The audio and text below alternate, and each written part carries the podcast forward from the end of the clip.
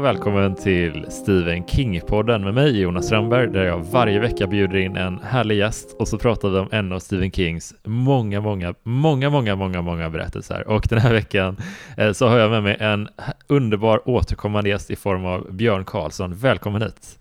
Tusen tack! Det, detta känns, det känns högtidligt idag. Det är faktiskt högtidligt för uh, vi ska sätta först, liksom ta första stegen i uh, en väldigt, väldigt uh, speciell serie som Stephen King har skrivit under många år, nämligen Dark Tower-serien. Precis. Och, du, du och jag har ju läst den här ett par gånger båda två och vi har touchat ner i den lite grann, dels i en, ett roastigt avsnitt om filmatiseringen från 2017 och dels måste... i andra avsnitt har vi pratat lite ja, om. Du måste ta upp det varje gång också. Ja. ja, nej men det, det, ja, det var, det, det var ett hemskt, eh, ett hemskt tramp ner i den världen, men idag blev det lite roligare tycker jag. Det var jag kul håller, också i och för sig.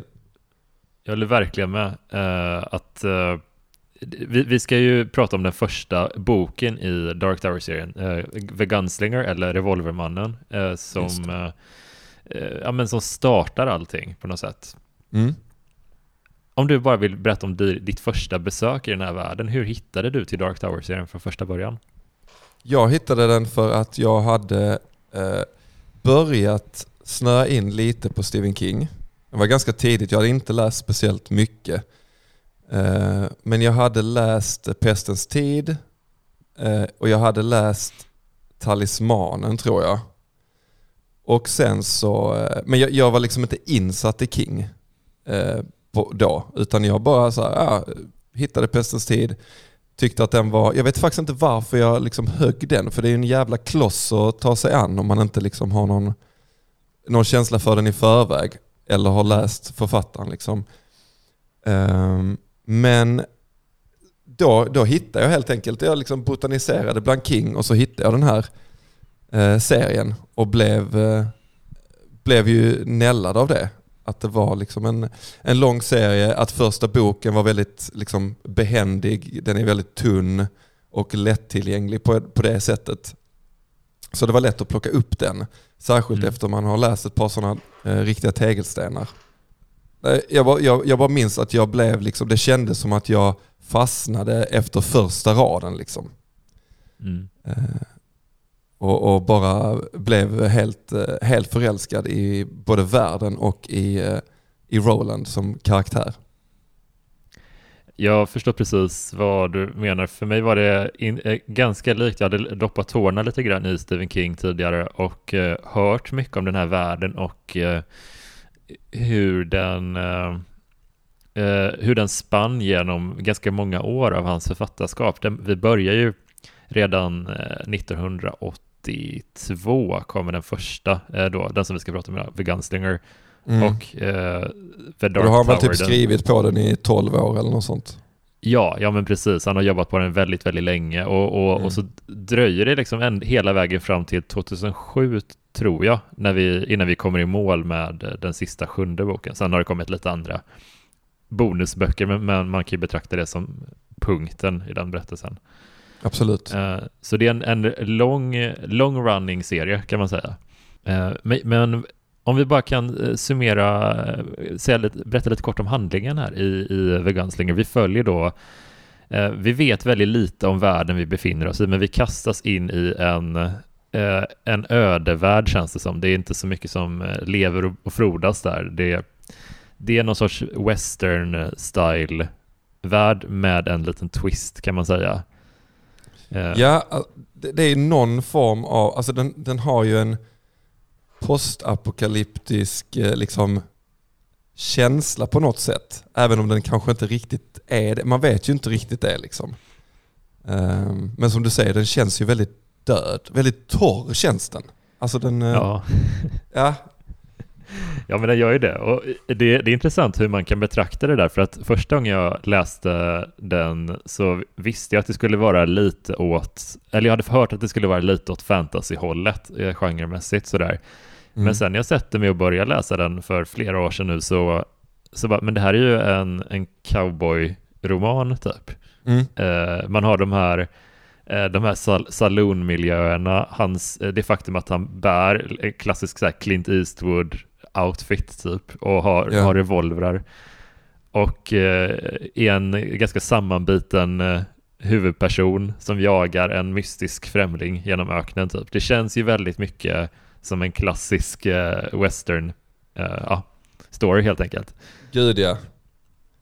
Så jag, jag var ändå lite så här när du, när du nämner det här om postapokalyps, det, det är ju så här i ef- efterhand liksom så, så känns ju det som en, en, en bra analys, men jag tänkte ju inte på det när jag, jag tänkte bara att det här är en western och blev liksom förvånad när det kommer in märkliga element som inte hör hemma riktigt i en western. Ja. ja men det kan ju vara att det, det är lite svårt. Vi, vi pratade ju om, eh, om det att vi ska, nu håller vi oss till första boken liksom. Och Ja. första delen av den här serien. Eh, men, men det kan ju vara så att man själv, utan att man reflekterar över det, är färgad av att man har liksom fått hela resan. Eh, så när man tänker tillbaka på den så kanske man förnimmer saker som man egentligen inte kände för en bok. Alltså, du förstår vad jag menar? Absolut, och, och en sak som jag tänkte på, eh, jag läste en version av eh, Revolvermannen som, eh, som King har reviderat ganska mycket. Han, den ursprungliga utgåvan, den, eh, om man sen sätter den i kontexten med övriga Dark Tower-serien så innehåller den en, en hel del motsägelser och eh, saker eh, hänger inte exakt ihop lika, lika bra. Så att det han gjorde, King, var att han eh, några år senare, han, han återbesökte den första boken, eh, Gunslinger, han återbesökte den och rättade till lite saker och eh, fick saker att passa ihop mera med övriga berättelsen om man säger. Precis. Det känns, den hade ju också en lite speciell start. Alltså den började ju släppas som, som fristående noveller typ. Mm. Eh, som sen blev ihopbundna till en bok och sen blev reviderade igen för att... Så att den har ju haft en resa boken liksom. Mm. Ja, men det, jag jag tycker det är intressant om man bara kollar lite på, på språket i den så, så känns den inte supermycket King till en början känner jag. Eh, Men sen så kollar man lite när, när den är släppt. Jag sitter här med Kings bibliografi framför mig och eh, den kommer precis, precis efter The Running Man och eh, då tänker man också att det var en, han kanske var lite, lite kvar i sin Bachman-persona, eller hade lite spår av den åtminstone, att i och med det här lite återhållna, åtstramade språket eh, som man jobbar med ganska mycket. Mm. Ja men så kan det absolut vara. Jag har inte någon... Eh, jag har faktiskt inte tänkt så mycket på, eh, på språket. Faktiskt inte gjort överhuvudtaget i den här... Eh, detta känns som en serie som där jag har varit så liksom investerad i historien Mm. att jag inte har reflekterat så mycket över det liksom rent tekniska i den faktiskt. Nej, men jag, jag håller med. Jag har känt precis samma fram till att jag nu eh, hoppade in i den för andra gången och eh, började fundera lite grann kring hur förhåller den sig till Kings övriga berättelser och eh, om man ska säga, den har ju ett, ett sånt där lite lågmält framåtdriv hela tiden. Vad, vad känner du kring den grejen? Alltså eh, hur att den... Eh, Ja, men det här lågmälda tempot om man säger. Ja, jo men eh, alltså det känns ju som återkommande, inte minst i eh, alltså väckelse som vi pratade om sist. Eh, att han, han, han har ju en tendens ibland att, att skriva på det sättet. Det blir ju, alltså jag tycker det passar sig väldigt bra för att om man tänker eh, liksom settingen, om man tänker på situationer som Roland befinner sig i så är det ju ganska liksom träligt. Alltså det, det är liksom det här lång, målet långt, långt borta. Det är ganska jobbigt hela vägen på vägen dit. Man tar sig liksom eh, till fots framförallt framåt. Alltså det är liksom långsamt. Så jag tycker att det hade, det hade liksom inte passat sig om det hade varit en sån eh, pang, pang, pang, nu händer saker hela tiden. Nej. Nej men det, det är ju intressant för att vi, vi följer då uh, Roland som är en, en revolverman och vi vet att han, ja, men som vi touchade på, att han ska uh, på något sätt få tag i den här mannen i svart liksom, och förföljer honom för, för att få fatt hon, i honom på något vis. Vi vet inte jättemycket om exakt varför i början. Uh, det, det, är bara det att han behöver lösa det här på något vis. Och på vägen uh, under den här resan genom öknen då så stöter Roland på en pojke som har ramlat ner på något sätt i den här världen verkar det som. Han, han har inga minnen av någonting eh, om varför han är där eller sådär, utan det... Hur, hur, vad tycker du om deras första möte? Om vi, om vi börjar där. Alltså jag, jag tycker, för, först och främst tycker jag att början på hela historien är där det blir som absolut tydligast att det här var, att det är, kommer från novellformatet. Liksom. Att, eh, att man kastas verkligen rakt in och det känns som att man kastas rakt in i en händelse och man får inga förklaringar på att så här, han är en revolverman. Jaha, vad fan är en revolverman i det här sammanhanget? Världen mm. har gått vidare. Jaha, okej, vad innebär att världen har gått vidare? Alltså man får liksom inte någonting gratis. Och sen Nej. så i takt, med att, i takt med att det blir romaner av det så känns det som att han, de här grejerna kanske jag bör liksom lite eh, befästa och, och förklara och sådär. Men jag tycker det blev väldigt tydligt precis i början att det här är, eh, är en novell. Liksom. Mm. Och när det gäller deras möte så så eh, alltså jag tycker eh, väldigt mycket om det för att det känns så, det känns, när man kommer dit i boken så känns det väldigt oväntat. som du var inne på, det känns ändå ganska mycket western, men så är det de här lite eh, liksom, övernaturliga elementen absolut när han berättar om sin tid i, vad fan heter den byn, har jag inte det på... Eh, just det, men det, det, de har en del fler Just det, han har ju en del flashbacks eh, eh, också, eh, Roland, genom boken. Att man får se eh, lite bakgrunden till varför han är på språng och sådär. Att de planterar det genom flashbacks. Typ. Precis. Men jag tänker att i, i och med att man inte är 100% med på än vad det här kommer vara för en historia så blir det här mötet ganska oväntat. Och mm. sen också liksom återblicken till hur Jake kommer dit blir också oväntat på något sätt. Men mm. jag tycker, jag, jag, gillar, eh, jag gillar det väldigt mycket. Jag tycker om det mötet väldigt mycket. Ja, för man känner ju verkligen att eh, Jake är så uh, men helt förvirrad. Han förstår inte riktigt vad det är som har hänt typ. Han känner inte Nej. den här världen uh, och Roland inser att jag måste hjälpa honom på något sätt. Jag kan inte bara lämna honom här, han behöver, han behöver hjälp. Han kommer kanske sinka mig lite grann men men jag, jag måste ju göra min plikt. Han har ju den här, uh, det finns ju en del referenser till uh, uh, kung Arthur under, under den här boken och då på något vis så målas revolvermännen upp som en sorts riddare typ mm. och som har en code of honor eller vad man ska säga. Och det känns som att den är väldigt hårt förankrad i Roland.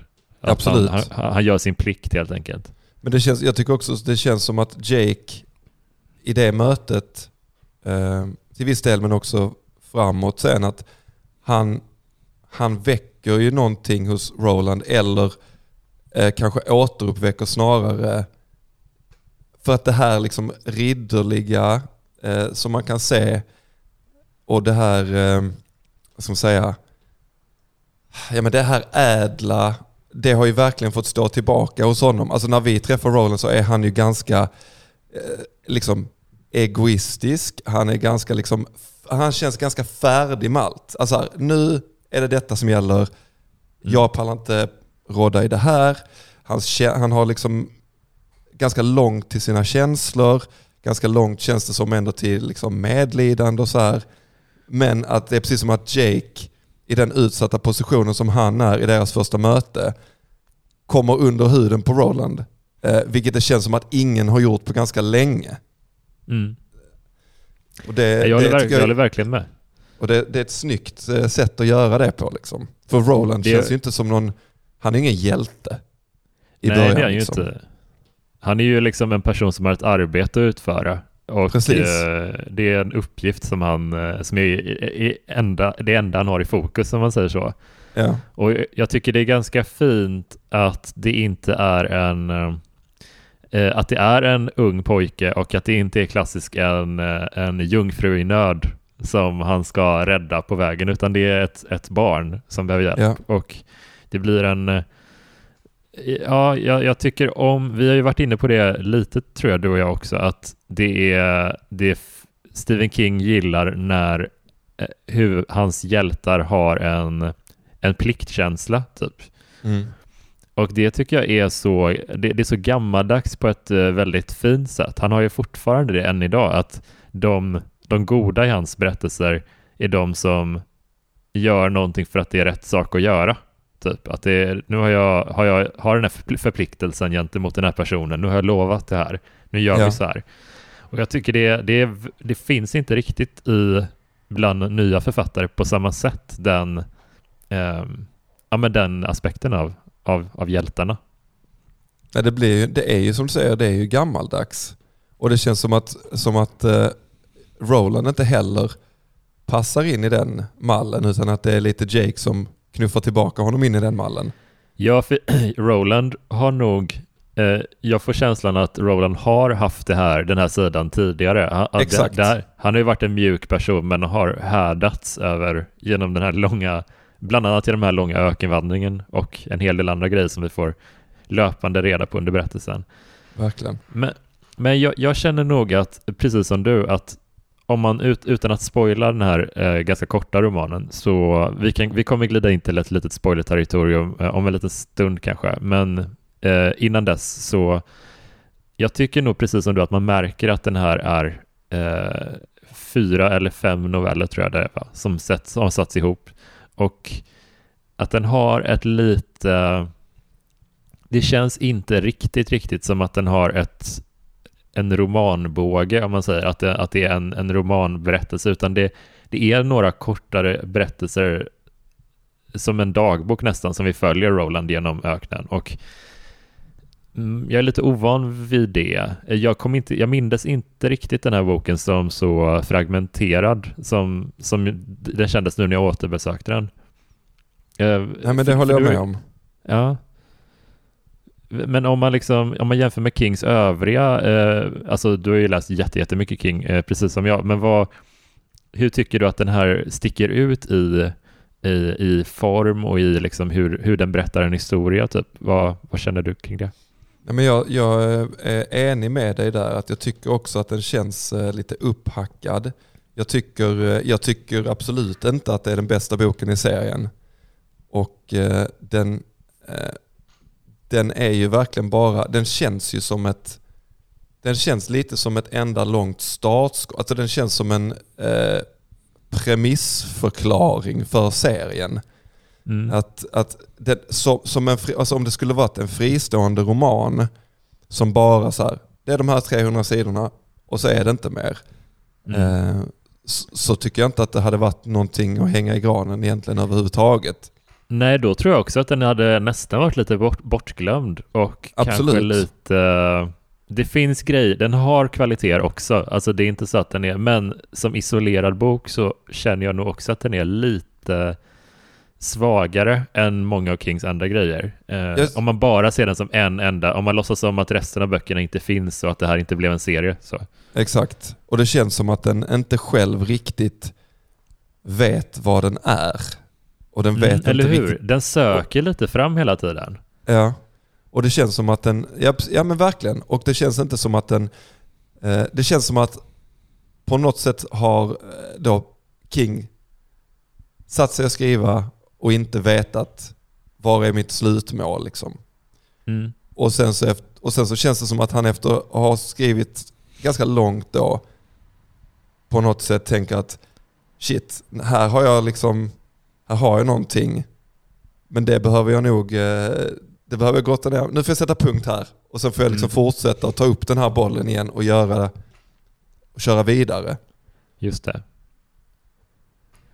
Ja Den men att det ju- känns som en sån där uh, improövning nästan ibland. Eh, att, att Ja, alltså han är ju, fast av en, alltså han är ju redan 82, då har han ändå ett par romaner eh, under bältet liksom. Så att Mm. han har ju fått upp ett tempo och har, har ju en hantverksskicklighet redan här som författare. Men jag känner kanske lite att, som du var inne på, den, den öppningsmeningen i boken är ju ikonisk verkligen.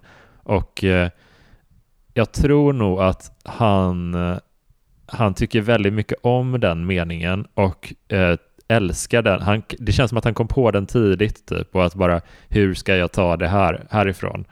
Jag Att undrar om den, vet du det? För att eh, den, den ska ju vara, alltså hela, egentligen hela serien, men, men framförallt kanske då Gunslinger, ska ju vara inspirerad av någon dikt som han eh, läste på college typ.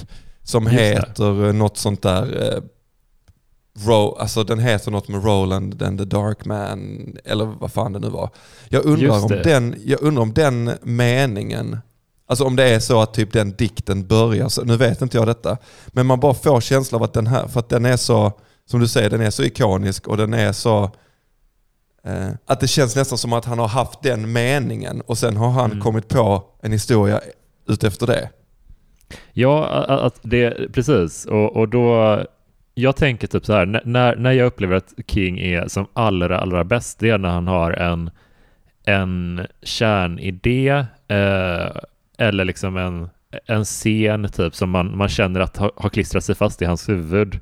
Mm. Och sen så jobbar han därifrån. Här känns det lite mer kanske som att, för jag älskar också den öppningsraden så det är ingenting mot det, men jag känner kanske att han eh, den här boken är lite resultatet av att King blev kär i en riktigt, riktigt cool pose. Typ. Eh, eller så. Att, att eh, Ja. En riktigt, riktigt häftig eh, stillbild bara.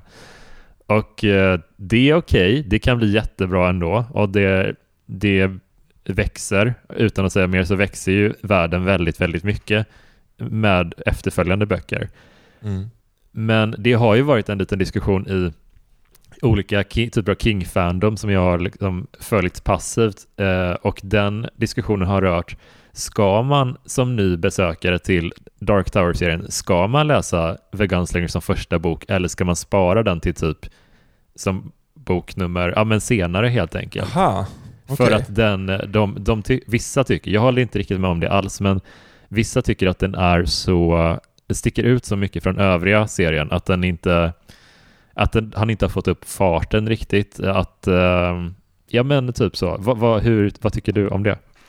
Alltså jag tycker nog, eh, jag håller nog inte heller riktigt med. Alltså, jag tycker det känns problem. lite svagt typ, alltså på riktigt, den är typ 200 sidor. Eh, Hur, hur jobbigt kan det vara att sätta sig? Och den är ju inte dålig heller, den är lite, Nej, lite nej. seg ibland bara. Ja, alltså den är, alltså den är ju den är ju sämre om man jämför, men då får man också tänka vad, vad ställer man den i relation till? Man ställer den i relation till vissa, vissa böcker i den här serien skulle jag säga är liksom bland det bästa King har skrivit. Så Mm. att då är det, det är lite Det är oschysst. så elak jämförelse. E- Exakt, exakt. Och, och man kan ju verkligen så här, du kan, du kan ju läsa den här som vi var inne på, att så här, det här är premissen. Liksom. Det här sätter lite ramar, det sätter lite, det sätter lite ramar för vad som är möjligt i den här världen, för hur den ser ut, ehm, för hur karaktärer bemöter varandra och hela den biten. Så jag förstår inte varför man inte skulle läsa den först egentligen. Det hade också blivit konstigt utan att gå in på liksom nästa bok. Alltså, då kan vi ju snacka eh, att kastas rakt in i någonting. Eh, Mm. Om man inte har det här med sig överhuvudtaget. Plus att hela, nej nu fan, nu ska vi inte nosa för mycket, men, men jag tycker det hade passat illa eh, att läsa bok två innan bok ett. Ja, jag av- också med. av skäl. Jag tyck- ja, men jag tycker också alla sådana här eh, försök till genvägar och försök att, men, så här är det väl, eh, kanske du också håller med om, men Dark Tower-serien är ju inte kanske exakt för alla, inte ens för alla Stephen King-fans. Det, det är en ganska säregen värld. Eh, i, i, vi båda är väldigt eh, förälskade i den och tycker väldigt mycket om den, men, men den är ganska udda och jag tror nog att om man inte läser den här, om man, om man försöker ta en genväg in i den världen, då, då är man lite fel ute kanske. Absolut. Det, den är ju inte, det låter som att den är svårtillgänglig och det, det är ett jättespännande äventyr. Liksom. Det, den är bara lite udda i, i tonen typ.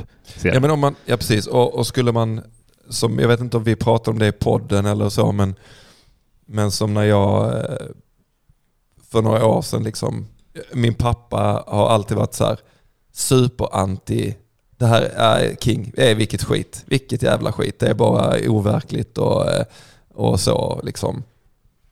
Och, och så har jag ändå känt att men här finns så mycket läsupplevelser som jag vill att, eh, att personer som jag tycker om borde få uppleva. Alltså så. Mm. Man vill ju gärna liksom, eh, om man hittar någonting som man själv fastnar för så vill man gärna dela med sig. Och, så då hade jag inte tänkt så här, okej okay, hur ska jag få min pappa att verkligen se eh, storheten med King och eh, älska det han gör.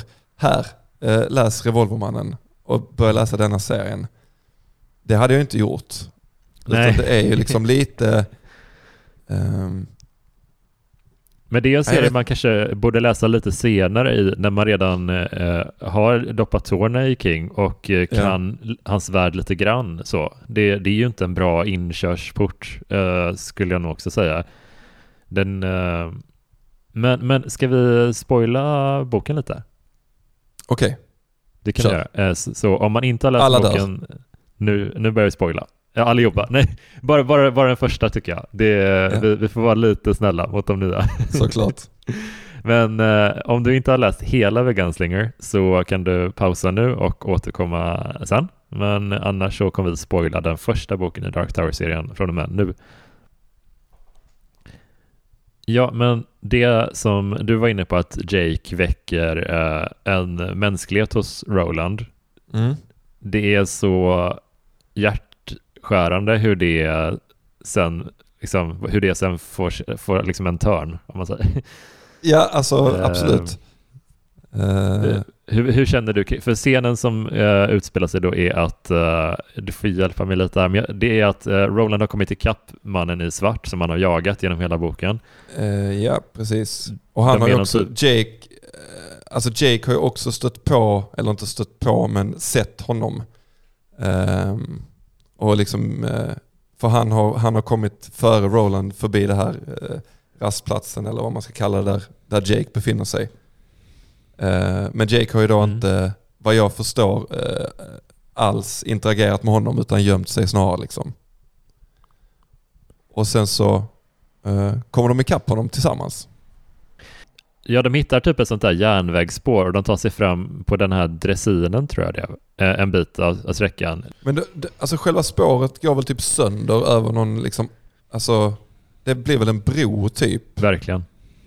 Och så, och så jag tänker att, nu minns inte jag heller, nu kan vi bli halshuggna här, men, men jag, jag antar att Roland typ håller, håller Jake på något sätt.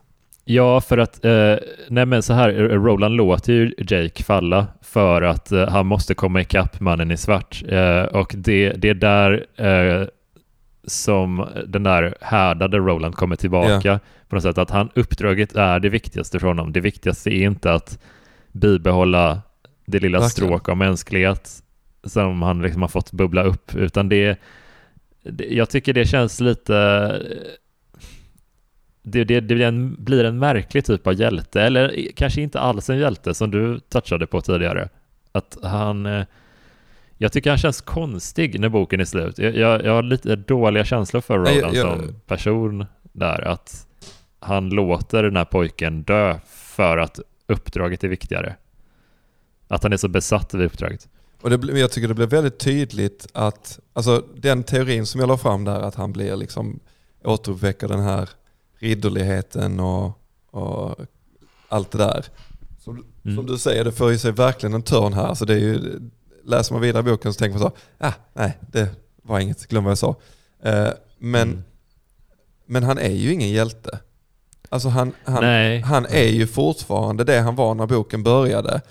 Fast det, mm. det, har kommit skymtar av det här och jag tycker det, det liksom illustreras... Alltså det viktigaste här är ju att det enda som betyder någonting är hans uppdrag. Som är väldigt diffust yeah. men, men fortfarande, det är det som betyder någonting för honom. Mm. Eh, och detta är ju ett extremt tydligt sätt att illustrera det på. Och det kommer ju fler, sätt, eller fler liksom, grejer i de kommande böckerna där det också blir tydligt. Även om jag tycker att Roland blir liksom på något sätt mänskligare och mänskligare. Men att kalla honom för en hjälte, alltså han är rätt så han är ju en rätt så onajs eh, karaktär egentligen. Ja, men det är eh, en grej som det här för med sig, det faktum att han faktiskt väljer att offra Jake eh, Mm. för uppdragets skull. Det, det tycker jag betalar sig utan att säga för mycket alls då, eh, senare i berättelsen. Att, eh, att det har en, en, en poäng för övriga storyn. Mm. Det är inte så att han bara blir en, en, en hjärtlös person så. Men precis Nej. efter det här har skett då, då, då kommer ju Roland ikapp med, med mannen i svart eh, som kallar sig själv för Walter. Men där är Och, också, eh, får jag bara spola tillbaka eh, en sekund? Att där är ju också, Ja. om vi pratar om ikoniska eh, rader eller strofer eller vad man vill kalla det, eh, vad det nu heter i en Mm. bok va? Eh, så första som vi pratade om att det är en sån super eh, som alla kommer ihåg. Och här är väl den andra sån eh, som är i den kategorin, liksom när Jake faller. Eh, Mm. och säger att eh, typ som, ja men släpp då, eller något sånt där. Eh, det finns andra världar än dessa. Och där är ju också, sätter ju också mycket av premissen. Mm. Något som återkommer. Ja, verkligen. Eh, ja, den, den, är, den är så jävla jobbig den scenen tycker jag. Det är också för att det är den enda, uh, den, man ska säga, i- hela, hela berättelsen är ganska återhållen känslomässigt känner jag. Att Mm. det, man, man är i Rolands huvud nästan. Att han, eh, ja sådär, en avtrubbad man med ett uppdrag. Men mot slutet, det, det är verkligen den, den enda stora känsloyttringen är ju när han, eller tycker jag i alla fall, när han låter Jake falla och Jake säger det. Mm. Det, det är så ja, jobbigt att, att läsa. Men eh, efter det så kommer då Roland i kapp med mannen i svart och eh, de har ett möte. De, eh, de pratar och eh, mannen i svart försöker övertala Roland att överge sitt uppdrag. Mm. Att han inte ska ge sig av mot eh, det mörka tornet. Just det. När du säger möte, menar du palaver då eller? Ja, just det. Jag hatar det ordet. Det är så jävla fult. Ja, eh, hur, hur upplevde du deras första möte? Alltså första, men deras första möte i, i, på det här sättet. Att jag upplever det som att det är lite oklart vad deras relation är. Alltså, Ja, det är oklart både liksom hierarkin på något sätt och hur de, de hänger ihop och vad de har för relation. Överhuvudtaget så är det liksom ganska gåtfullt möte. Mm, Och det, hänger det tycker jag rimmar rätt så bra med att Roland själv inte riktigt vet. Alltså han vet ju inte riktigt vad han gör. Alltså, mm. ehm, svårt att förklara eh, men jag, eh, alltså, Nej, för det är inte, det, det, man tänker så här, eller i alla fall jag tänkte när jag började läsa den för första gången, att ja, men han behöver få tag i den här personen och typ, ja men som i en western återigen, gripa honom, för honom inför rätta eller döda honom typ. Han kanske är Ja. efterlyst eller någonting. Men sen så har de liksom ett, ett märkligt, ja men de sitter där bara där och pratar typ. Och, ja, men det, det är snarare och som att den- han be- behöver information från honom. Ja, exakt. Uh, jag och mannen i svart att han, han drar några kort och spår eh, Rolands eh, framtid. Och Där finns någon, det känns som att det finns någon liksom respekt dem emellan mm, som man inte heller riktigt vet var den kommer ifrån. nej, precis. Och det, väl, Eh, det hänger väl ihop med att man blir så inkastad i berättelsen från första början. Mm. Ja, men jag tror, alltså som jag minns, eh, nu, nu var det kanske en månad sedan jag avslutade den här, eh, men det jag minns av, av den är att eh, mannen i svart, han eh, ger, ger Roland visioner typ av, eh, av universum och, liksom, och, och massa, hur allting, bara för att få känslan av hur Roland ska känna att han är en betydelselös figur, att, han, att det, saker spelar ingenting, ingen roll, han vill han vill så tvivel eh, Ja. och få Roland att backa från uppdraget. Och Lägg det ner får detta, för det, det betyder ändå Precis. ingenting liksom. Nej, precis. Och då, då är det ändå intressant hur, eh, om han går igenom alla de eh, problemen för att, eh, få honom att backa från ett uppdrag, då Mm. känns det ändå som att det har någon betydelse. Absolut. Eh, och så känner ju Roland också, precis som vi. Eh, att eh, det är, att han bara, nej, jag tänker, jag tänker inte backa. Och så han får Roland att somna eh, genom hypnos typ, eller något sånt där. Mm. Och eh, när Roland sen vaknar, då har tio år gått. Ja. Och han är, ti- han är tio år äldre och bredvid honom finns ett skelett som han då ant- antar är mannen i svart. Mm.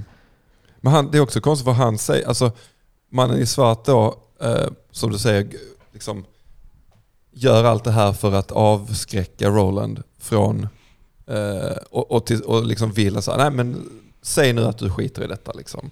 Och när Roland Mm. vägrar det, då är det lite som att han, han bara så, ah, okej, ja ja, men gå västerut då. Om du, om du ska, om du ändå envisas, eh, så gå, eh, gå västerut. Eh, så vi, alltså så Ja. att det, det är liksom, det, det är sådana små grejer som gör att jag, jag, man får liksom inte riktigt grepp om, som sagt, deras relation och vad, vad de liksom... Nej, Nej, jag håller med. Och jag tycker att det här är också en sån grej att när om man, om man hade, hade lite så här tvivel kring äh, den här serien från början, då tror jag att den, den har dels det här märkliga tempot som kan vara lite avskräckande. Den har dels äh, sen, men sen så, sen så när den tar sig ändå till den punkten att eh, Roland offrar Jake och man känner fan vad hemskt, man är väldigt engagerad där Mm. då kommer den till det här konstiga slutet. Jag, jag tycker inte, jag är inte helt förtjust i slutet. Så jag tycker det är lite, eh, ja, vad, tycker du? Nej, men jag, jag har jag, lite svårt att sätta ord på det. Ja men jag tycker som vi var inne på innan att det känns som att, att han bara typ så här. Nu har, jag, nu har jag startat någonting som jag eh, inte vill eller kan avsluta här.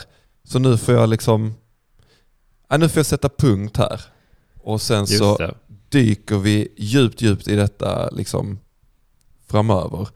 För att det, det känns som att i och med att den är, är liksom, kommer från de här korta novellerna, att den har, den har säkert inget, inget slut som är värdigt en, en roman i den här typen Mm. av liksom kontext. Och därför så har, har han bara fått liksom lite gilla läget. För jag tycker att King annars brukar vara ganska, ganska bra på att konstruera slut. Det är allt, man vet aldrig riktigt var det ska ta vägen. Mm. Men man, och jag tycker att liksom när, när den väl, när hela serien slutar, det tycker jag är snyggt liksom. Men här känns det som att han inte har haft möjlighet att sluta ordentligt. Nej, och han har ju verkligen kämpat med, med att eh, knyta ihop den här boken med övriga serien genom den här eh, Revised and Expanded Edition som Mm. då innehåller många justeringar för att knyta ihop. Men jag känner inte riktigt ändå att det räcker hela vägen. Eh, det finns en grej som, som jag tyckte var ganska nice eh, innan den här reviderade versionen. Eh, och det var eh, hur eh, The Crimson King Mm. Han, han omnämns inte ursprungligen i den första eh, versionen av A Gunslinger utan den första gången Crimson King dyker upp det är inte ens i en Dark Tower-bok utan det är i eh, Insomnia faktiskt. Okej. Så eh, den, han har liksom inte, den karaktären ka- kommer, kommer återkomma men eh, dyker inte upp förrän eh, i en helt annan bok. Och det tyckte jag var lite elegant att en sån viktig del, en sån, ett sånt eh, hot i bakgrunden inte introduceras ens i ursprungsserien på något sätt. Nej. Men eh, ja, vad ska man, hur ska man sammanfatta den här resan? Det, ja, men det, är en, det är en ganska lite hackig roman, men med ett, ett ja, ja, vi är lite kluvna här känner jag. Ja men jag, du, när vi, eh, när jag såg att du skulle börja med den här podden eh, och jag kastade mig över eh, eh, alla möjligheter att få tag i dig. För Mm. att bara så här, okej, någon jag känner är investerad i King på detta sättet. Fy fan vad kul, nu ska Mm. vi nörda. Mm. Eh, och då så var ju, jag kommer ihåg en av de första diskussionerna vi hade, eller liksom så, var ju att vi bollade lite fram och tillbaka, att vi rangordnade böckerna i den här serien typ.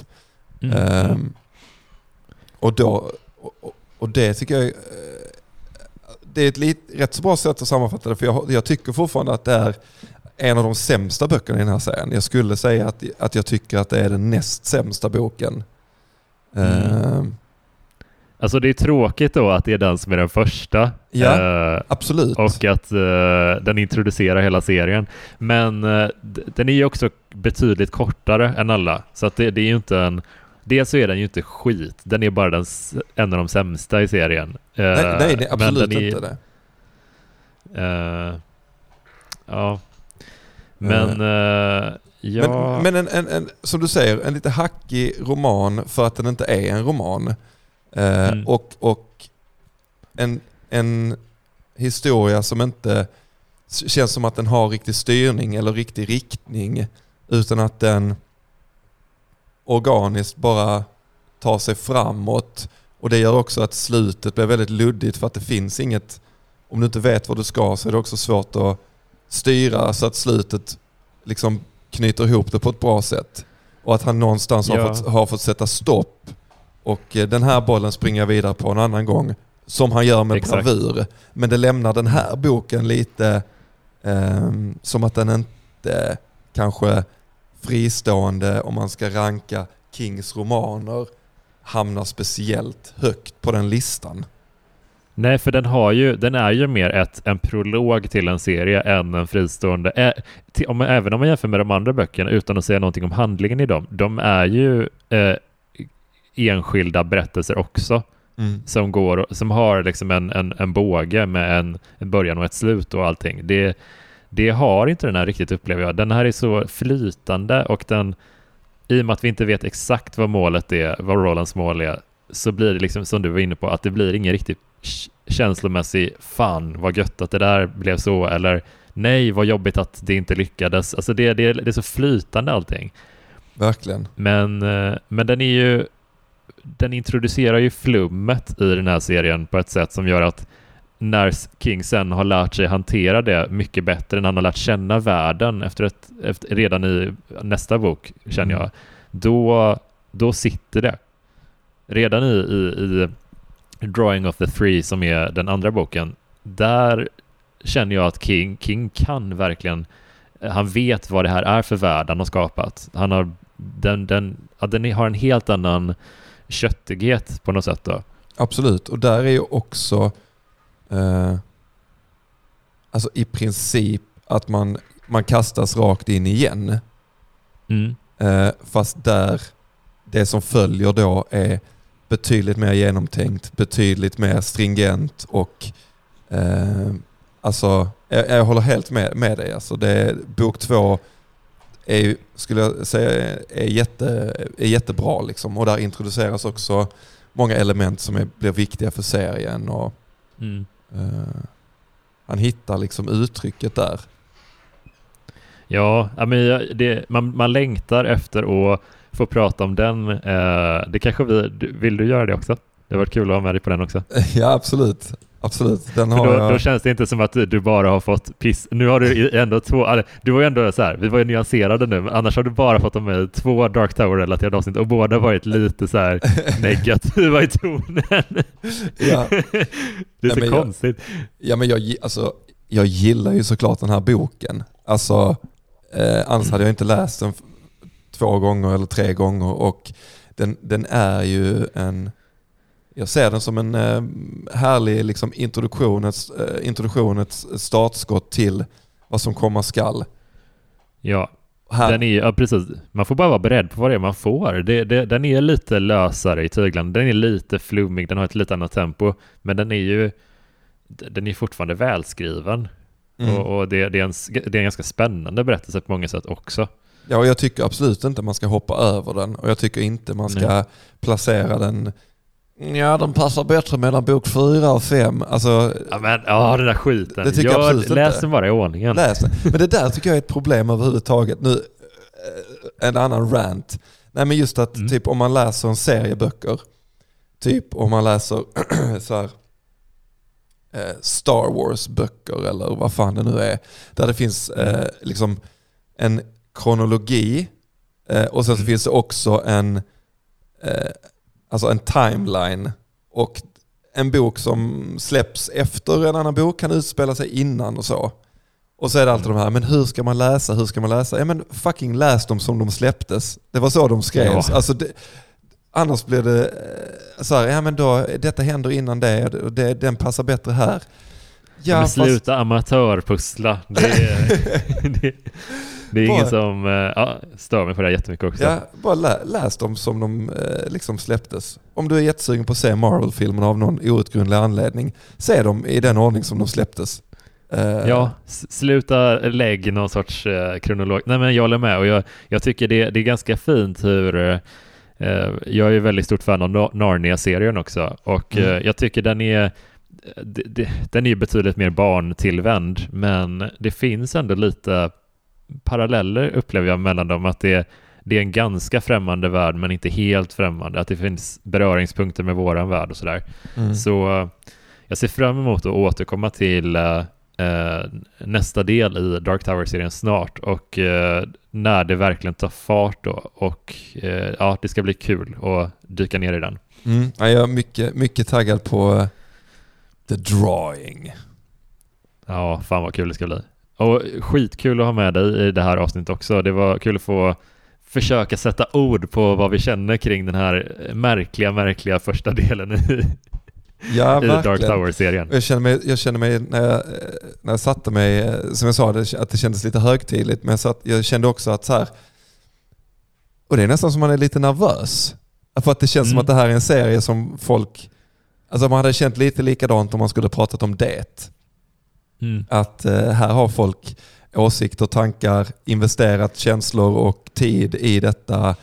Eh, och så, så kanske man inte så får fram exakt sina poänger eller man, någonting blir otydligt eller sådär. Vilket jag Ja, men, inte kände det- med Revival som åtta personer har läst. Utan då kan man bara liksom köra kan på bara köra på. sätt. Nej men vi, vi har ju ett gött eh, community som, eh, det, det, det låd- råder god ton eh, där och där får man gärna hoppa in och, och komma med sina tankar kring den första då. Vi försöker hålla det till den första boken så länge Mm. i Dark Tower-serien. Det känns också som att det är ett, ett par personer där som också är, som är väldigt kunniga och har läst mycket. Liksom. Verkligen. Som alltid har bra input. Ja, det är skitkul och, och den hittar man på, eh, på Facebook eh, och den heter eh, Stephen King-podden Eftersnack. Där kan man, där lägger jag alltid upp lite om, om alla avsnitt som kommer och sådär. Så där kan man ta vidare vår flummiga diskussion. Men det var jättekul att ha med dig sagt Björn och du får jättegärna komma tillbaka och diskutera Drawing of the Three. Så gör vi. Så hörs vi snart igen. Utan tvekan. Tack för att du var med och tack för att du har lyssnat på podden. Du som gör det så hörs vi snart igen. Hej då!